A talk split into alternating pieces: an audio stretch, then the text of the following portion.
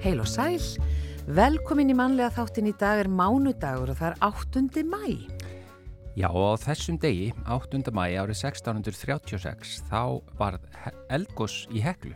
Já og 1865 Hilmar Finnsen var skipaður stift amtmaður yfir Íslandi. Það var altså gaman að, að bera fram íslensk orð sem e, krefja mann um að svona fá, setja loft út um nasir. Já, Stift amt. amt, Amt. amtmaður. Já, þetta á erlend fólk erfitt með í, þetta hljóð. Uh, Sigurdagurinn í Evrópu uh, var á þessum degi árið 1945 síðar í heimstyrjöldinni laug í Evrópu með uppgjöf þjóðverja.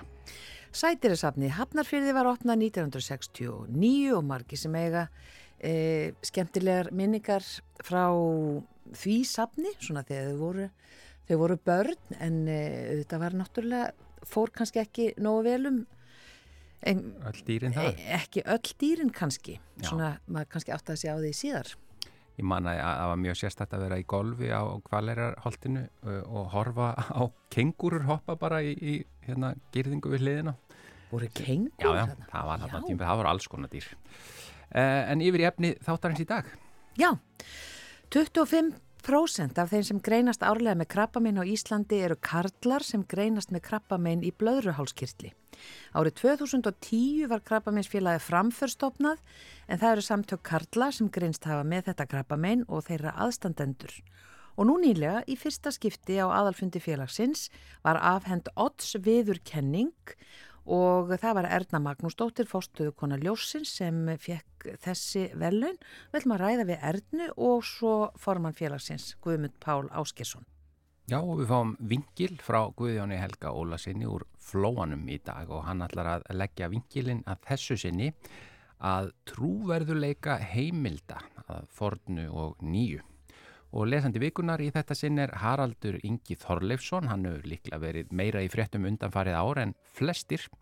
Hann var kosin manneski ársins hér uh, í fyrir ára ástöðu, hann, hann er á góðri leið með að rampa upp allt Ísland. Hann er nýbúin að opna veitingastað og gefur út hljómplötu á næstunni en í dag ætlar hann að segja okkur frá því hvað hann hefur að lesa undanfarið og hvaða bækur og höfundar hafa haft mest áhrif á hann í gegnum tíðina. En við byrjum að tónlist eins og alltaf. Hér er vor í Vaklaskói, Vilhelmur Viljámsson og hljómsveit Ingimars Eidal, læð eftir Jónas Jónasson og Kristján frá Djúbalæk samti tekstan.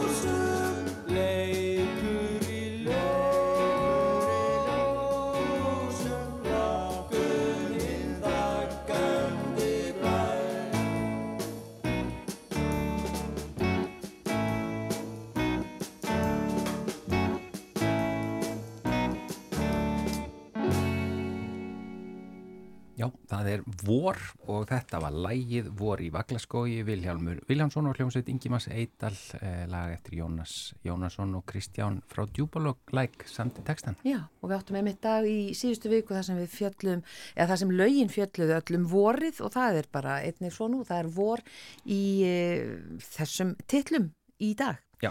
En eins og við sögðum þá uh, var þetta félag, krabbaminsfélagið framför að veita vellaun í fyrsta skipti. Odds viðurkenningu framfarar 2023 og viðurkenninguna hlaut Erna Magnúsdóttir fórstuðukonan í ljósinu eða fórstuðu kona ljósins og stopnandi ljósins og uh, kannski bara svona fyrst að uh, forutnast aðeins um þetta krabbaminsfélag sem heitir Framför. Guðmundur Páll Áskisson er formaður þess og hinga komin og Erna Magnúsdóttir velkomin bæði. Takk, Takk fyrir. Kanski vist bara að félaginu og já, af hverju heita þessi eða af hverju heitir viðurkenningin Odds viðurkenning? Oddur Benediktsson var helsti kvartamöður að stopnum þessa félags 2007 og, og það var mjög virt í mörg ár en Oddur dól síðan 2010 og, nei, já, og um, síðan þá dró úr starfsemi félagsins, það var síðan endurstofnað og formaður þess að var þá Þráinn Þorvaldsson. Og hann uh, hætti nýlega sem formaður og ég tók við. Og uh, honum fannst mjög við hæfi að veita viðurkenningu eða uh, setja stofna til viðurkenningar sem er árleg fyrir þá aðila sem að hefðu þjónað krabbmeðsjúkum best eða mjög vel. Já og það var uh, ljósið í þetta sinn því að ljósið sinn er öllum krabminnsveikum og þar að leiðandi mjög mörgum köllum með blöðurhórskrabmin því það er algengast að krabmin uh, sem kallar fá. Já og eins og við vorum að tala um það eru 25% þeirra sem greinast álega með krabmin á Íslandi eru karlamenn eru karlmenn sem greinast Já. með krabbamenn í blöðurhálskirtli. E, hversu virt er félagið? Félagið er uh, mjög virt, uh, sá hópur sem er virkur er mjög virkur og uh, vinnur mjög að útgáðstar sem hugsa sem þetta um að, afla sér þekkingar og veita fræðslu til manna sem greinast með krabbmenn.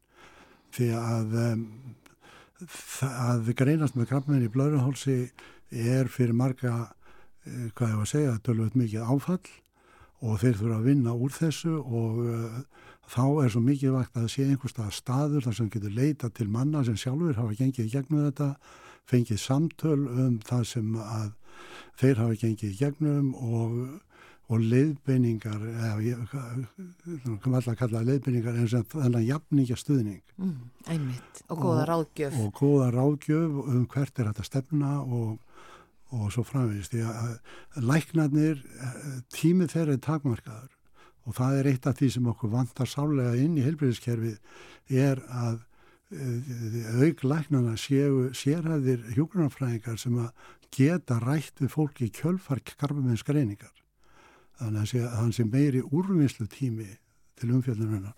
En sem sagt... Þetta er ágættispunktur, ég held að þetta með yfirfæra á bara allt í helbriðiskerfinu. Já. Það vantar meiri tíma. Já. já. Og í, sko, hvað ég var að segja, verklags leiðbeiningum Evrópusambandsins, þá er þetta eitt af stefnumarkmiðunum fyrir eh, krabbaminn að krabbaminn sjúklingar eftir greiningu hafi aðgang að sérhæðum hjúkunarfræðingum til þess að eiga samtöl í framhaldinu. Já. Erna til hamingi með þessa viðurkenningu. Takk fyrir það. E, svona að hvaða leiti sinni þið þessum hópi? Hversu umfangsmikið er það í ykkar starfsemi? Það er bara ansi umfangsmikið og er alltaf aukast og mér langar bara að þakka honum hérna Guðmundi Páli fyrir þessa viðurkenningu og bara mikill heiður fyrir okkur að fá viðurkenningu á því að við erum að sinna þeim mjög vel þessum strákum. Þeir koma til okkar alveg ný greindir og það sem við erum að taka á þessum andlegu hérna málefnum sem að eru oft þessi sálfélaslegi þáttur sem að má ekki skilja út undan, hann er mjög mikilvægur þegar, þegar að fólk reynist. Og svo þessi líkamlegi þáttur líka, þeir fara náttúrulega gegnum mjög mismunandi livjameðferðir og, og skurði og, og alls konar meðferðir. Og þá minkar orkan og, hérna, og þrekið. Þannig að við erum að fá, eh, og því fyrr sem við fáum þá því betra til okkar. Að þetta er eiginlega svona áfalla hjálp líka. Mm og, og það verður að taka á andlegum, líkamlegum og félagslegum þáttum. Og eins og hann tala um jafningastuðning sem er óbúslega mikilvægur að geta svolítið speikla sér í öðrum sem hafa lendið í sama. En á sama tíma byggja sér upp af því þetta er gríðarlegt áfall. Og þetta með blöðruhálsin er oft feimnismál. Það er oft yngripp sem að verður til þess að, að þeir hérna erfiðar með að stunda kynlíf og, og, og þessi nánd í sambandi og annað þetta er eitthvað sem þarf að ræða og var svolítið tabu hérna áður Já. en sem við höfum tekið upp og, og ræðum við þá og svo er svo gott varandi framför að við getum ekki haft þessa stráka hjá okkur enda laust þó við gætna vildum í endurhæfingu þá þurfum við að takmarka okkar tíma líka að þá sjáum við fyrir okkur þeir taki svolítið við þegar þeir útskrifast frá okkur Mm.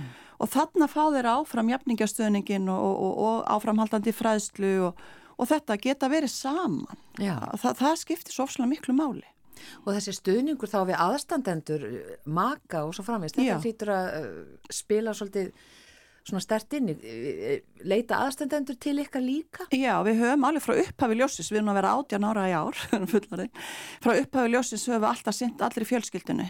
Þannig að bæði börn, uh, badnabörn, makar geta komið og fengið stuðning, annarkvort enga viðtöl eða sem sagt uh, námskeið fyrir aðstættendur sérstaklega. Svo er innan ljósis líka svona hópur kallmanna sem að hittist, þau kalla sér ungir blöðruhálsar uh, og þeir hittast alltaf mánaðlega undir stjórn eins sem að hefur fengið krabbamein og framför hefur verið að koma stert þar inn líka og, og koma inn á fundina þar meðan þeir eru í endurhæfingu Já. hjá okkur. Já. Já, Þannig að þetta er mjög hérna, nöðsynlegt að eiga þetta félag, eiga þennan stuðning, Já, framför. það er líka þáldi sérstætt við að krabba með henni í blöðruhálsi að eh, kallar greinan, nú- greinast nú yfirleitt uh, mjög gamlir meðalandurinn 70 ár en að það liggur ekkit alveg beint við hvað á að gera. Þetta er ekki svona krabba með þar sem að, ó, ég hef fundið krabba með takaða burtu, fjallæga, gera eitthvað. E, það hefur sínt sig að alltaf eitt fjóruði þeirra sem greinast með lág áhættu krabba með þurfa enga sérstaka meðferð Mm. í stöðan tíma eða jáfnvel í mjög langan tíma. Og nýleg bresk langtíma rannsó e, síndi það að það var einn fjórði þeirra kalla sem að, að hafi farið í virt eftirlit í tilvíðunar kentu úttaki e, hafi ekki þurft frekari meðferðar við á 15 ára tímabili. Já, Um, þannig að það er mjög mikið uh, hini kostinir eru að þú farir í læknandi meðferð sem að hefur verulega hvað ég var að segja stundum miklar afleggingar uh, til skertra lífskeiða. já, Þannig að þegar að þetta kemur upp þá þarf að eiga uh, mikið samtal við sjúklingin um viðform hans og gildismat og hvað er honum mikilvægast áður en tekin er ákvörðun um, um meðferðina. Það er að segja, séu hann með láhættu áhættu krammi.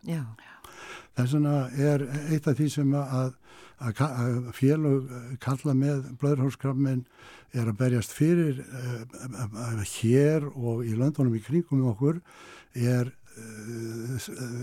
skimun að það sé snemmagripið inn í og krabbinni sé snemmafundið og það farið fram gott viðtal um það hvað eigi að velja í meðferðinni og þegar að menn standa fram fyrir að þurfa að fara í meðferð þá séu þeir með góða þekkingu á því hvað er að gerast. Já, og upplifu ekki eftir á að þeir hefðu vilja taka aðra ákvörðun. Já, heldur að þeir standi með ákvörðunni að þeir eru vel undirbúinir þekkingarlega. já, Þannig að þessi þáttur þekkingaröflunar og miðlun þekkingar á jafningagrundveldi er eitt annað megin atriði okkar starfi og hitt er svo jafningastarfið sjálf. já. Hvað er þetta uh, stór hópur? Svona hjá Hjá ykkur okkur. svona almennt. og ég veit nú ekki alveg í prósettum, en þetta er stórhópur og hann fer stækkandi og bara kallmenn í ljósinu almennt. Við höfum verið að ebla það starf mjög mikið. Þeir borða saman einu sinni viku alltaf í hátteginu með jafningastöðning. Þeir fara saman í, í, í líkansræktina hjá okkur, gönguhópar, uh, er í handverkinu hjá okkur því að, að sko það sem gerist þegar fólk reyns með krabba, menn þetta er svo gildislæðið orð. Það verður svo mikið hræðsla. Og, og svo kallmenn sem fá blöður áskiptiskrabba menn hérna, sjálfsmati þeirra og sjálfsýmynd hún laskast. Þannig að við höfum verið að vinna svolítið mikið með það. Og það að vera að gera vinna að einhverju sem að eflir þig uh, andlega og líkamlega skiptir svo miklu máli, það skiptir svo miklu máli fyrir sjálfströsti að þarna kemur þú inn og, og fer sterkar út myndi ég segja, ég vonu að segja sammála því Guðmundur að þeir fara sterkar út og svona, já, ég er alveg í lægi þó svo ég hafi fengið þetta krabba mig.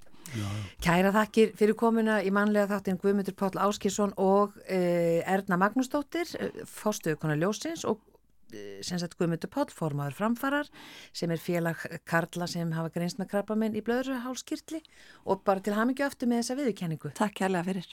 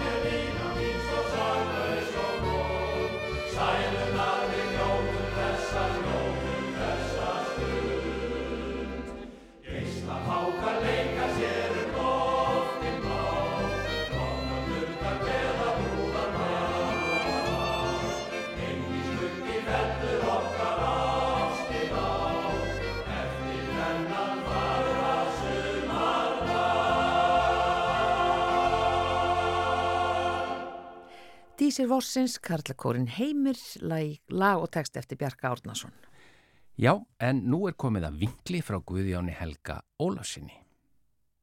Ágætu hlustendur, við bárum vinkilinn að sögu frá árinu 1986 í síðasta þætti. Sá sem hér mælir var í hlutverki sögu rítara og sögu manns. Fyrir mér eru atbyrðinir ljóslifandi en það tiltölulega stutt síðan þeir áttu sér stað. Bara 37 ár. Það er ekki langur tími, þannig. Ég á að geta munað þetta nokkurn veginn skamlaust. Og við sem vorum á staðnum getum borið vitni um það sem gerðist, enda öll sem lifum við góða andlega helsu. Eigum ekki halda því bara kókraust fram að þetta sé sönn saga og rétt eftir höfð, svona í öllum megin atriðum allavega. En hvað skildi því fólki sem verður á dögum eftir 160 ár finnast um söguna? Verður hún mögulega dæmt argasta þvæla og bull? Ég verður örgla dauður þá og þarf ekki að sitja fyrir svörum en kannski tekur sér einhver til og mælir sögunni bót. Mögulega verða þá einhverjir aðrir til að halda hennu gagstæða fram og eins og gengur og svo verður kannski rifist um þetta í einhverjum vakumklefum eða hvar þar nú verður sem að þeirra tíma fólk kemur til með að dveljast og búa. Það er að segja ef einhverjum verður til að dreifa, ég er engin véfrett og veit ekkit um hvernig þetta verður. Kannski lifir þá ekkert nema nokkrir kakalakkar og gamli landráðurinn minn, það verður bara að hafa sinn gang.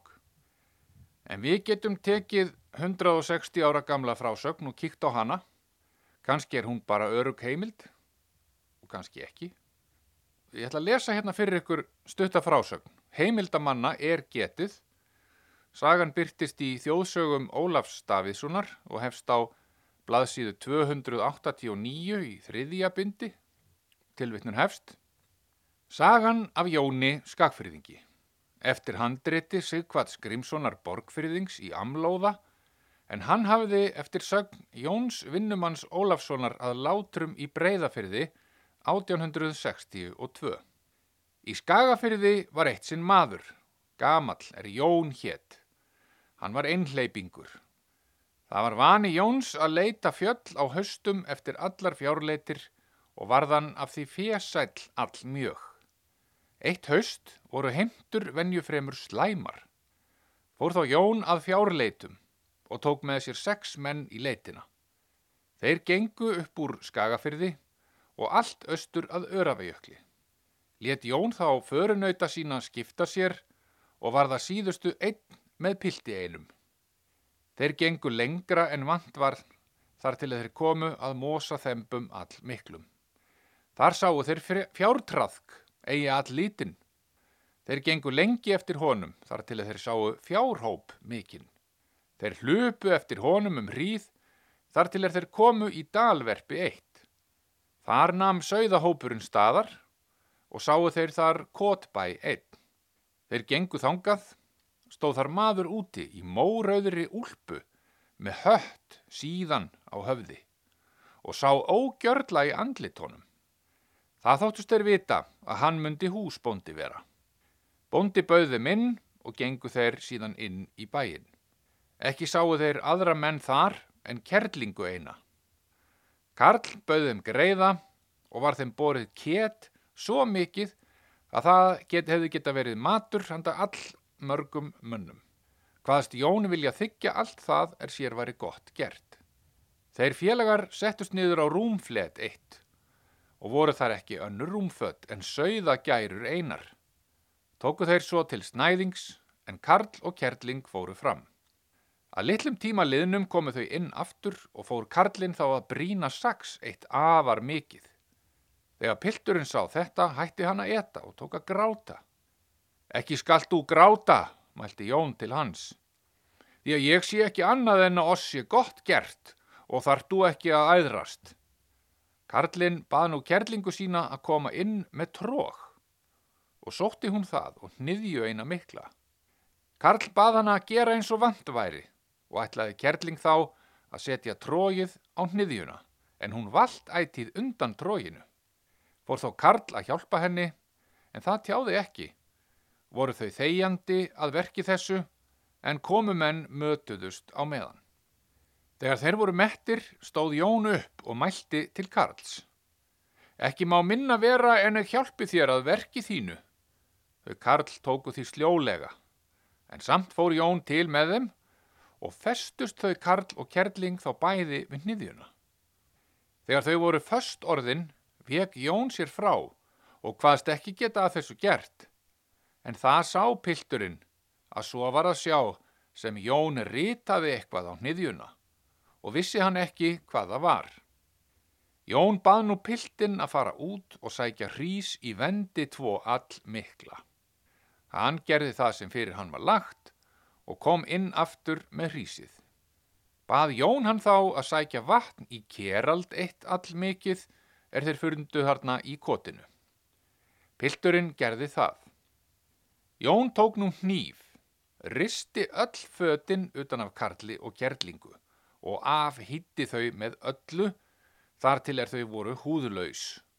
Bar hann síðan úr kotinu allt það er fjemætt var og kom því fyrir í grifju einni er skamt var frá kotinu. Lagði hann síðan eld í kotið og brendi það til ösku. Eftir þetta lögðust þeir Jón og Pilturinn af stað úr dalnum með allt fjö er þeir fundu þar og léttu ekki ferðsynni fyrir þeir komu til byggða. Skilaði Jón öllu því fjö sem hægt var að finna eigundur eftir mörgum, en allt það sem ekki þekktist varð eign hans sjálfs og var það margt fjö. Síðan fór hann og sótti fjármunni þá er þeir hafðu borið út úr kotinu og gaf hann piltinum allt til helminga við sig. Kvongaðist pilturinn síðan og varð auðugur maður. Hann átti eina dóttur við konu sinni og eru frá henni komnar ættir norðan lands. varð bóndi maður gamall og sagði frá sögu þessari á elli árum. Tilvitnun líkur. Jæja, þar höfum við það og nú verður hver að ákveða sannleiksgildi sögunar fyrir sig. Ef við tökum þetta aðeins saman, þá virðist söguhetjan Jón hafa efnast á nokkurs konar engareginni eftirleita þjónustu. Þær kindur sem ekki smöluðust í löglegum leitaraðgerðum hafa þannig verið þeim fundið fjö sem gáttu eld þær uppi. Þætti líklega ekki sangjarn business í dag og svo lítið langt að fara þrammandi á hestum postulana upp úr skagafyrði austur að Öravejökli. Lámark 200 km aðra leið og jökulára á leiðinni. Töluvert af torfærum og kannski komin harða vetur líka því valla hafa menn nú smalað fyrr þá en nú er gert. Öðvitað er þetta mögulegt samt. Alveg eins og kotbílið í dalverpinu getur alveg hafa verið á löggildum útilegumanna slóðum. Og svo voru náttúrulega engin almennileg rúmföt þarna, bara gæru skinn og voðalega mikið két eitthvað og ekkert sem benti til þess að þarna byggi siðmentaður mannskapur. Ekkert lesið upp úr guðsorðabókum eða spilað á harmóníum til dæmis og engvar pönnukökur. Þetta voru greinilega kvorki prestar niður síslumenn. Óttalega jaskalegt líka að vera að drösla þessari rótarniðju inn í stofu og trógi sem ekki passaði almennilega ofan á. Jújú, það var verið að brína eitthvað dægilegt saks þarna en, en það var ekki til að höggva hniðjuna neitt til svo að trógið passaði betur á eða neitt svoleiðis. Það átti greinilega að höggva mann og annan þarna. Og eins gott, segi ég nú, að Jón minn kunni ímislegt fyrir sér og gatt galdraði þau föst við þetta rótardrasl sitt. Góður og grand var maður hann Jón og var ekkit að galdra út í loftið einhverja vittleysu hist og pist. Bara til að bjarga sér og sínum út úr neyð. Og auðvitað áttu þessir hálendisturgar ekkit betra skilið en að vera flísjuð í sneiðar eins og brauðostur. Greinilega eitthvað óhrind í pókahotnunum hjá því. Og þó að þeir hyrtu nú rollutnar og sparistellið hann Jónminn og strákurinn, þetta var öruglega allt stólið. Er það ekki annars? Og skára værið hann og þó þeir hyrtu rollutnar sem enginn vildi eiga þegar þeir voru komnir heim. Þetta var fundi fjö. Og svona örreitis kott þurfti líka alveg endilega að brenna. Allt morandi lús í öllum skinnunum hjá því og sennilega starrarheiður og flær líka. Gott eða vantaði ekki báða þumlana á alla vettlinga í kotinu. Þannig að Jón og Stráksi urðu bara að nota sína. Voðalegt alveg. Og það eru auðvitað bara sangjant að Sigurvegarinn skrifi söguna þegar tveir hafa tekist á. Annars fengist aldrei botni nokkurt málu. Þá er þið líka fullt af alveg voðalegum harmsögum sem enda illa. Svo leiður sögur vill enginn heyra. Og Jón svona almennilegur að gefa stráknum helmingin af þessu smotteri sem þeir funduð þarna í örreitis kotinu. Og hvað með það þó þeir eru svo litið ríkir eftir svona mikið erfiði. Og þarf að vera öfundast alltaf hreint út í heiðalett fólk. Og svo mætti hæglega skrifa söguna út frá kalli og kettlingu í koti sínu sem fluttu til fjalla til að geta verið í friði fyrir sögðaþjóum og morðingjum í byggð. Það geti verið skemmtileg saga, en hún er auðvitað svo lítið hræðileg og náttúrulega endar ekki vel, ekki fyrir þau. En það verður ekki í dag. Við þurfum líka að setja kartöflunar yfir fljótlega og hleypa svo aðeins upp á ísunni, þannig að fyrsti bitin verði komin upp af vörum þegar að hádegisfréttinnar byrja klukkan 12.20. Góðar stundir.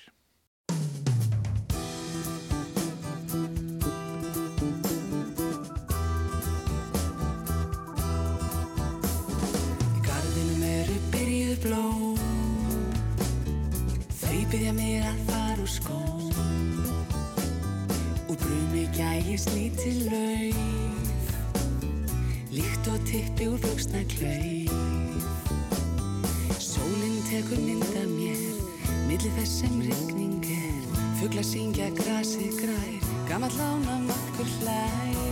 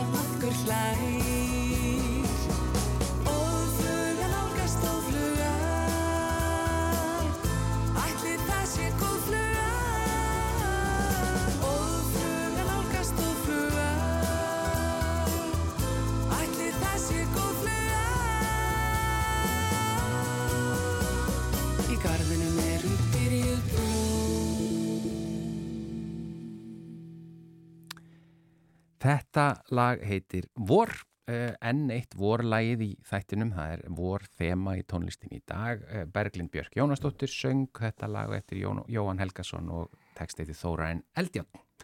En það er komið að lesanda vikunar, hann er hingað komin, Haraldur Ingi Þorleson, velkomin og takk fyrir að taka þetta að þér. Já, það er ekki hérlega fyrir.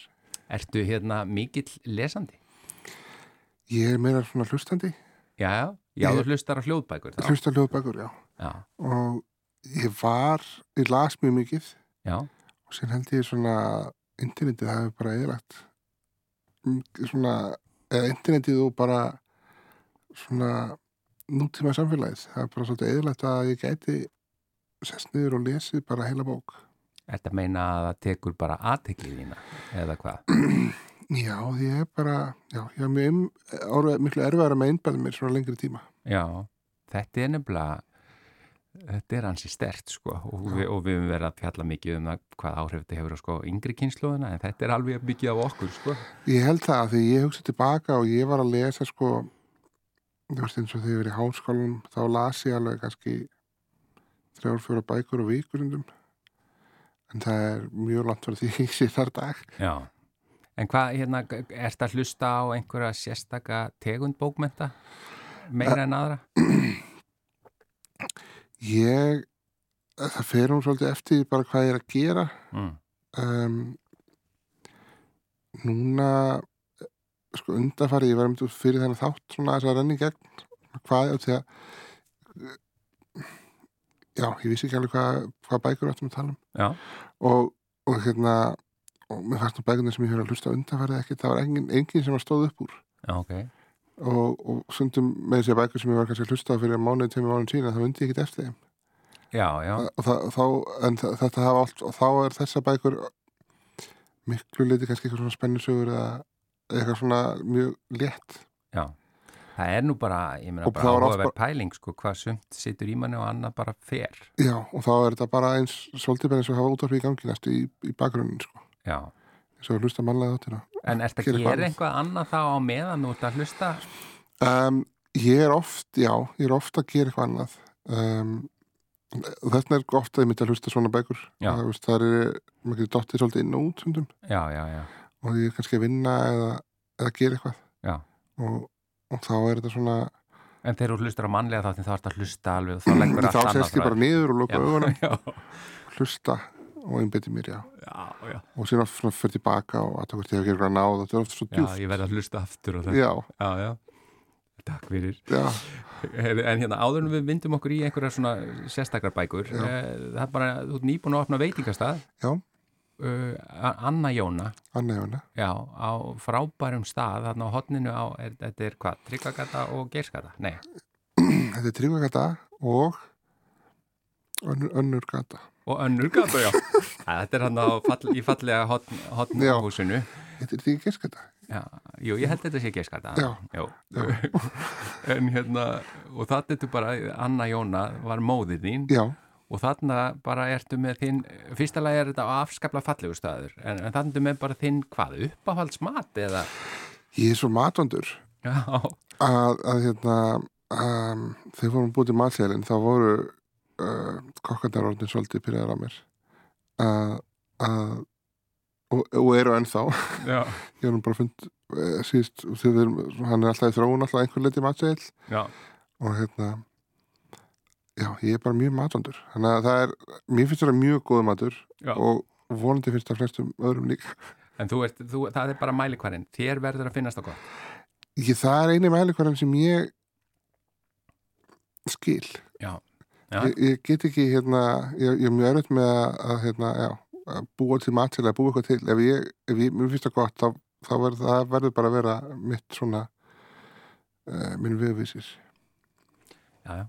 Það er bara eins og í kannski mörgum að vera að hafa, það, það er kannski réttasti mælikvarinn. Það- sínir þetta mjög erfitt sko því að þetta er líka, þetta er náttúrulega sko mannlega staður og þetta, þetta er sko kaffihús. Já, og ég drekki ekki kaffi. Og Já. er þetta bar og ég drekki ekki áfengi þannig að það er einmitt þar ég að treysta svolítið á að, að hérna annað fólk smekk annara. já, Heyrðu, en hvað er fyrsta bók sem að, svona, kemur upp í hugan sem þú hefur verið að hlusta þá á undanverið? sko undanfarið er það svolítið tegalegt Já, það, má- má vera tegalegt. því ég fór alveg aftur ég fór að hugsa svolítið um þetta og ég fór alveg aftur til svona það fór að hugsa um hvað bækur hafa haft áhrif á mig Mm og þá hugsaði ég um, um bók sem heitir uh, Between the World and Me. Já, sem er eftir Ta-Nehisi Coates. Um, og hún kom út uh, eftir 2014 eða 15 eitthvað svo leiðis og, og hérna, ég verður að lesa hana fljótlega eftir það því ég man mjög eftir mjög vel eftir að lesið hana. Mm og hún hafði mjög mikil áhrif á mig. Hún kom út þarna eftir um, það voru mótmæli í bandaríkjunum eftir svona enn einn uh, svona enn en, en svartimæðurinn var skotin niður. Um, þetta voru Ferguson mótmælin það hefur verið þá Michael Brown. Já, og hérna og maður hefur alltaf sko bókin er um, um sko rasisma mm. um, og svona sérstaklega svona gegn svertingum í bandaríkjunum. Mm og uh, svörstu fólki og, og hérna um, það hefur um, ólst upp á Íslandi. Já, bjóst eh, í bandaríkjanum á þessum tíma þegar ekki, eða er 2015, jú, en, en þegar ég ólst upp ólst upp hérna á á, nýjundu ártögnum Mm að að þá var nánast ekkert svart fólk til dæmis á Íslandi. Já. Og maður hefur svona litla innsýnin í það náttúrulega hvernig það er að vera öðru í svo litin en sérstaklega kannski ekki að maður hefur séð alls svona bíómyndir og svona hvernig það er að alast upp í, í bandaríkjana með, með svona þennan húlit. Og þessi bók var rosalega þótt ég hef oft verið að hugsa um þetta þá, var, þá opnaði hann fyrir mér allavega alveg nýja vít. Já, og, og den fyrsta bókin sem ég las sem var bara um það að vera, vera svartu maður í bandaríkanum og um, er þetta reynsla hans eh, Tanehisi? uh, þetta er, já þetta fer uh, hún þetta er uh, hún skrifaði eins og bref Já, til sonar hans unglingsstrákur sem hann á. Og, og það sem er kannski öðruvísi í þessari bók fannst mér um, til dæmis að bæra saman við, við Obama sem var alltaf svona hans, hans plattform var alltaf hope, von. Já, að það er rosa mikið vonleysi í þessari bók og hún leifir sér alveg að vera uh, vera þar. Að sitja bara í því að þetta er sé mögulega vandamál sem mun aldrei leysast. Út frá, já, út frá þessari stöðu. já, Já, að það sé mögulega þannig að, að, að mögulega hann er bara gengur út af því að, að svona þessi hvita þjóðinsekja í bandaríkjunum Mm. munu alltaf verða og vera ofan á og, band, og svarti bandaríkjumenn munu alltaf þurfa að gegn þessu og þetta er hann að skrifa til sonar síns. já, til svona síns Ekki mjög eh, jákvæð framtíða mynd. En Nei, en, en, en það var mér svo áhverð líka að þetta var ekki, var ekki að reyna að fyrir svo vöðni að fólk verða alltaf í svona erfiðum aðstæðum Já, að fólk þurfa alltaf að koma í endan með eitthvað svona en núna er alltaf að vera betra. Já, við erum á réttir í leið. Já, við erum á rétti leið. Já, og það er kannski það sem er anstæðið við, Obama líka. Í bjandaríkjum þá var bara talað um það að rasum sem minn væri bara búinn þegar Obama á kosin já, já, já. og hérna, Það er nú ekki alveg þannig. eh, nei. Og hérna, og ég man mjög vel eftir þessari bóka því þeir klára hann á daginn eh, klára hann á nokkrum já, þetta hefur þá verið þá 2016 þeir klára hann nokkrum dögum fyrir uh, kostningarnar þar sem að Trump vann uh, 2016 Já, og, og, málinn þróist kannski ekki alveg til betri vegar. og það var held ég fyrir marga mjög svona náttúrulega uh, það voru mörg mjög hissa á því að hann skildi vinna. Mm en, en það rýmaði rosa vel við þessa bók hvort mér eftir að hyggja að hún eiginlega segir þetta sama þetta er ekki, það samfélagi er ekki alveg og er ekki búið að takast á við að neinn- neina alvöru hérna, þessi samskipti sín við fórstíðina og, og þærlahaldið og, og hérna, Tim Crow og allt þetta. Já, það var eins og það hefði líka komið upp uh, það hefði bara verið bælt niður þessar tilfinningar og svo bara böbluðu þær upp þegar, hann gaf svona nánast skotleifi á það. Já. og ég fór einmitt þetta daginn sem að, að eftir kostningarnar, þá fór ég á fund um, með nýjum kuna, Facebook. Já, og, og þar hitti ég fyrst skipti mann sem að heiti Dantle Davis og við, við ætliðum bara að taka hálftíma fundum um hérna eitthvað verkefni. En við endum að þau tala saman í þrjá fjóra tíma. Og hann er þess að svartu bandur ekki maður um, og það var nefnilega það, var, það voru alltaf sjokki. Það- var bara eins og það, var bara rosalega uh, stór viðburur í bandaríkanum og hann sá bara fyrir það að Trump að því að hann hafði verið kosin að það nú myndi einhver, nú að blikur á lofti Já, og þannig að við bara, eittum og tölum mjög mikið um þessa bók meðal annars. Já, Um, þannig að, já, þetta var, þessi bók hefur setið í mér bara mjög lengi. Hún, það er svo, það er svo margi það er svo margt áhvert í henni, hann fer yfir alveg, það er, er notaðir, notaðir eitthvað svona success, uh, þessar, þessar sögur um, um sko fólk, Mm. uh, svart fólk sem hefur nálant og bent á það sem svona dæmi um já, um fólk sem að, að það sé að rasismin sé nú ekkit raunveruldi þar. Já dæmisugur um að allt sé á réttri leið. Já, já, og hann fer yfir eh, sko, sögu sem að mér finnst mjög áhræður um, um hérna, vinn sín úr skóla sem að elst upp uh, af móður sem að er, er hérna um, nær að, að vinna sig upp úr fátækt. Já, og verður hérna já, nær mjög vant og sonurinn e, fyrir engaskóla og er komin í svona komin að beina braut og, og síðan e, er hann einmitt drepinn af, af lörglumanni já, um, og, og svona notar að þetta er ekki sko, þú, þú nærði aldrei út úr þessu. Þú ert alltaf í þessu, í þessu skinni já er, þetta, þetta er ekki já, bjart sín mynd á þetta en ég menna það er kannski raunhæf bara, Já, er- mér fannst þetta, þetta eins og ég segi, þetta, þessi bók þegar ég fara að hugsa um bækur þá, þá situr þessi bók alveg rosalega fast í mér. Já. Er eitthvað, ég, þetta er við erum nánast búni með tíma bara á þessari einu bók, er einhver aðra bækur sem koma svona upp í hugan Ég fór líka, já, þegar ég fór yfir hvað, það, það eru nokkra bækur sem að, þú veist, hafa haft svona áhrif á mig. Já, og, og næsta bók sem, eða önnur bók sem ég var í, það var bara prófum með ljónsversta sem að situr alveg rosalega fast í mér já. og kemst einhvern veginn aldrei út úr. Hún, og það, það var svona mér fannst sko þegar ég var já, þegar ég húst tilbaka, það var eiginlega einhvern veginn fyrsta alvöru bókin, Já. hún er alltaf batnabók og, og mamma og pappi lása hana fyrir mig ég man ekki hvað það var. Því held ég ekki bara ekki verið nógu gammal almennilega til að lesa. Já.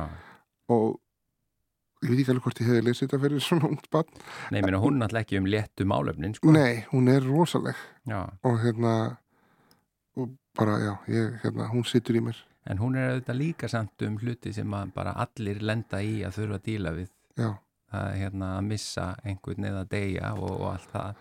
já, hún, hún var hérna, já, hún bara, ég hugsa um hana bara já, reglulega, mjög oft. Já, hugsa um þessa bók og, og það sem að hún er, þú veist, það er alls konar það er hetjut áður í henni og, og hún er um hugrekki og, og hérna og, en líka sorg og, og hvernig á að hérna þú veist, einhvern veginn að lifa áfram þegar lífið er erfitt.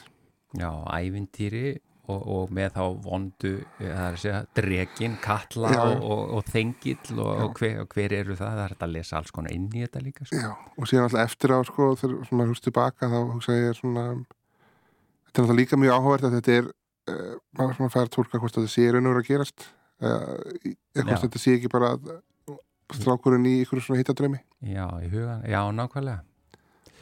Já, ég held að bara ná, viltu nefna einhvern höfund eða eitthvað alveg í lokinu, við, við höfum sko í, í það, það er nokkur tímabil sem ég tekið, ég tók svona Murakami tímabil Já, ég tók Paul Oster tímabil, það er alls konar svona alls konar sem ég get farið í gegnum en þetta uh, já, ég, Dr. Seuss hefur alltaf verið líka Já, var- tröllist að jólunum og allir því. það var meira því að það var bók sem að ég þegar ég bara byrja að lesa fyrir krakkara mína, það var bók sem heitir All the Places You'll Go sem er frábær Já, og hérna ég þarf vilja að stoppa þig hér. Vi, Ég- við verðum að seinna. Já, algjörlega. Við bara tölum áfram hérna. Eh, Haraldur Ingi Þorleifsson, takk fyrir að vera lesandi vikunum í mannlega þættinum. Þættinum er bara lokið í dag. Við verðum hér auðvitað aftur á saman tíma morgun. Verið sæl.